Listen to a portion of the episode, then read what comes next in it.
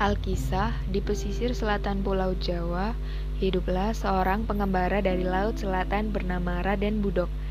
Ia adalah sosok pemuda yang tampan dan gagah perkasa.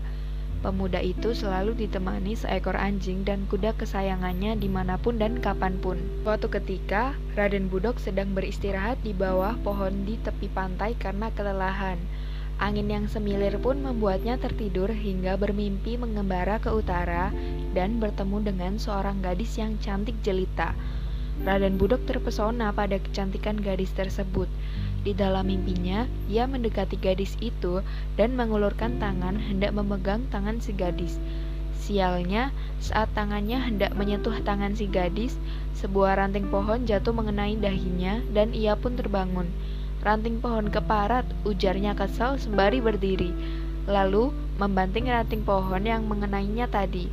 Kalau kau tidak jatuh mengenai dahiku, aku pasti masih bisa menikmati mimpi indahku bertemu dengan gadis cantik. Sejak hari itu, siapa sangka Raden Budok selalu teringat akan mimpinya.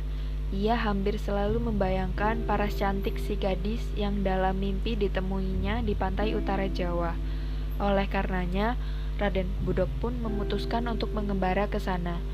Sebelum berangkat mengembara, ia menyiapkan perbekalan, termasuk memberi makan anjing dan kuda kesayangannya. Kita akan pergi mengembara, katanya kepada anjing. Kita akan mengembara jauh, bersiap-siaplah, tuturnya kepada kudanya. Selain mempersiapkan bekal, Raden Budok juga tak lupa membawa golok dan batu asah yang memang sudah sering dibawanya ketika pergi mengembara. Begitu semua siap, ia mulai menunggang kuda dan pergi menuju utara. Anjing kesayangannya berjalan lebih dulu di depan, bertugas memberitahu tuannya kalau-kalau di depan ada bahaya mengancam. Perjalanan ke utara menghabiskan waktu sekitar lima hari perjalanan. Meski sudah lama berjalan, tetapi Raden Budok belum juga turun dari kudanya untuk beristirahat hingga membuat tunggangannya itu kelelahan. Sepanjang jalan ia hanya bergumam, kapan dan di mana aku bisa bertemu dengan gadis itu? Bukannya beristirahat, Raden Budok terus melanjutkan perjalanan tanpa peduli jalan yang terjal dan mendaki. Sesampainya ia di kampung Cimahpar, tiba-tiba kudanya roboh. Ia dan kudanya kemudian jatuh terguling-guling hingga ke lereng gunung.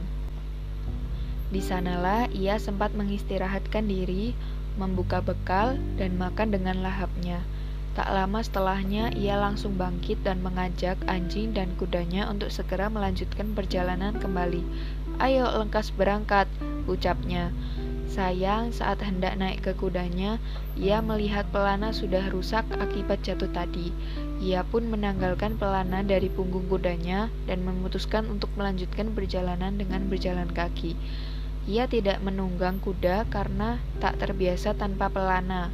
Raden Budok, anjing, serta kudanya kemudian sampai di sebuah tempat bernama Tali Alas. Di sana Raden Budok terpukau melihat indahnya laut biru yang membentang dari barat ke timur. Sesudahnya, ia meneruskan lagi perjalanan sampai ke pantai Cawar dan sempat mandi di sana.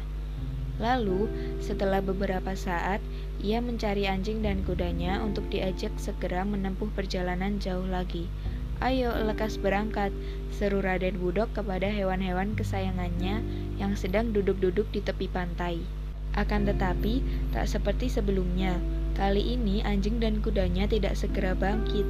Kedua binatang tersebut diam saja seolah tidak mendengar seruan tuannya. Kesal tadi gubris, Raden Budok meninggikan suaranya. Cepat berdiri, kita harus berangkat lagi. Sayangnya, anjing dan kuda Raden Budok terlalu lelah untuk bangkit, apalagi melanjutkan perjalanan. Alhasil, ia pun pergi meneruskan perjalanan mencari gadis dalam mimpinya tanpa anjing dan kuda kesayangannya. Aku harus segera menemukan gadis impianku. Kalau kalian tak mau berdiri, terpaksa aku tinggalkan, ucapnya. Konon, setelah ditinggalkan Raden Budok, anjing dan kuda itu tetap mematung hingga akhirnya berubah menjadi batu karang. Sekarang, di pantai Cawar terdapat karang yang bentuknya menyerupai anjing dan kuda, sehingga dinamakan karang anjing dan karang kuda. Dalam pengembaraannya seorang diri, Raden Budok tak peduli rasa lelah yang menggelayutinya. ia sudah terobsesi untuk bisa menemukan gadis cantik yang muncul dalam mimpinya itu. Bahkan, ia tak sadar goloknya tertinggal dan hanya membawa tas kulit berisi batu asa. Di jalan, saat sedang lelah-lelahnya, ia masih enggan untuk segera duduk sebentar. Malahan, ia mengurangi isi tasnya dan mengeluarkan batu asa yang dirasa membuat bebannya menjadi semakin berat. Batu ini rasanya sudah tak berguna. Lebih baik kutinggalkan di sini daripada membebani batinnya. Ia berkata lagi, biarlah batu asa ini menjadi kenangan. Lalu, konon batu asa yang ditinggalkan Raden Budok di sebuah tempat bernama Legon Waru itu masih ada di sana. Batu tersebut berubah menjadi karang yang dikenal dengan nama Karang Pengasahan. Raden Budok masih meneruskan perjalanannya yang berat lagi melekrahkan. Di tengah jalan, tiba-tiba hujan deras turun. Lalu, Raden Budok beristirahat di dalam gua sembari menanti hingga hujan reda. Namun, karena tak sabar, Raden Budok melanjutkan lagi perjalanannya yang sempat tertunda. Ia menyeberangi sungai yang sangat deras alirannya karena banjir setelah hujan dan tiba di pintu masuk sebuah kampung. Di sana, ia mendengar suara lesung yang merdu. Rupanya, di kampung itu, seorang janda bernama Nyi Siti dan putrinya yang bernama Sri Po Haji kerap menumbuk padi menggunakan lesung. Cara mereka menumbuk padi sangat unik sehingga lesung yang digunakan mengeluarkan suara yang sangat indah. Setiap hari mereka melakukannya, kecuali hari Jumat yang dianggap keramat oleh penduduk setempat. Raden Budok mencari sumber suara lesung dan mendekati sebuah rumah. Di sana ia mendapati sekelompok gadis yang sedang memukul-mukul lesung. Salah satunya ialah Sri Pohaci. Namun, lantaran diperhatikan pria tak dikenal, ia mengajak teman-temannya yang lain untuk menyudahi permainan dan pulang ke rumah masing-masing. Tak lama kemudian, Raden Budok mengetuk pintu sebuah rumah. Rumah tersebut ialah miliknya Siti yang ditinggalinya bersama Sri Pohaci. Ia bermaksud menumpang menginap semalam. Sampurasun, Raden Budak mengucap salam. Rampes, jawab Nyi Siti. Maaf mengganggu, bolehkah kiranya saya menginap di rumah ini? Pinta Raden Budok. Kisanak siapa? Mengapa ingin menginap di sini? Saya tidak bisa asal mengizinkan. Saya belum mengenal Kisana, begitu kata Nyi Siti. Raden Budok lalu memperkenalkan diri. Akan tetapi, Nyi Siti tidak lantas langsung mengizinkannya menginap. Nyi Siti tetap menolak lantaran di rumahnya ada anak perempuan. Maaf Kisana, saya ini janda yang tinggal dengan anak perempuan satu-satunya. Saya tidak berani menerima tamu laki-laki apalagi sampai menginap, tegas Nyi Siti.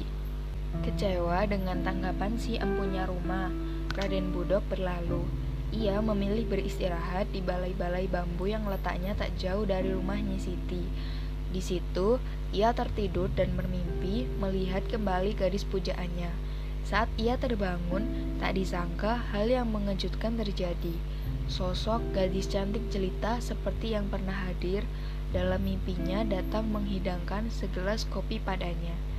Gadis itu adalah Sri Pohaji. Silahkan diminum kopinya, Raden, Mumpung masih panas, ujar Sri Pohaji sembari tersenyum. Sejak hari itu, Raden Budok dan Sri Pohaji menjadi dekat. Keduanya pun telah saling jatuh cinta. Nyi Siti semula tidak merestui hubungan mereka, mengingat Raden Budok yang tak jelas asal-usulnya. Akan tetapi, karena terlalu sayang dengan putrinya, ia merestui agar Sri Pohaji tidak bersedih hati. Selama menikah dengan pemuda pengembara itu, Sri Pohaci tetap diizinkan menabuh lesung bersama gadis-gadis lain di kampungnya. Bahkan, Raden Budok yang sangat menyukai suara lesung pun terkadang ikut memainkannya. Sampai pada suatu hari, kejadian yang tak menyenangkan pun terjadi. Di hari Jumat, mestinya tidak ada suara lesung berbunyi. Tapi Raden Budok yang keras kepala tetap menabuhnya pada hari tersebut dan tak mengindahkan peringatan dari para sesepuh di kampung. Saking antusiasnya, ia menabuh lesung, ia sampai melompat-lompat dan menarik kegirangan. Tanpa disadari, para penduduk kampung yang kebetulan melihat berteriak, Lihat ada lutung yang memukul lesung. Hei, lihat ada lutung memukul lesung. Mendengar itu, ia heran mengapa penduduk kampung memanggilnya lutung. Lalu, ia menyaksikan sendiri bagaimana sekujur tubuhnya telah dipenuhi dengan rambut. Karena ketakutan dan panik, ia lari terbirit-birit masuk ke hutan yang terletak tak jauh dari kampung itu. Di sisi lain, Sri Pohaci yang melihat kejadian itu merasa sangat malu, lalu ia pergi meninggalkan kampung. Konon, Sri Pohaci kemudian berubah menjadi Dewi Padi. Sementara itu, kampung yang ditinggalkannya setelahnya dikenal dengan nama Kampung Lesung. Lalu, karena letaknya di sebuah tanjung, orang-orang pun mulai menyebut kampung tersebut dengan nama Tanjung Lesung.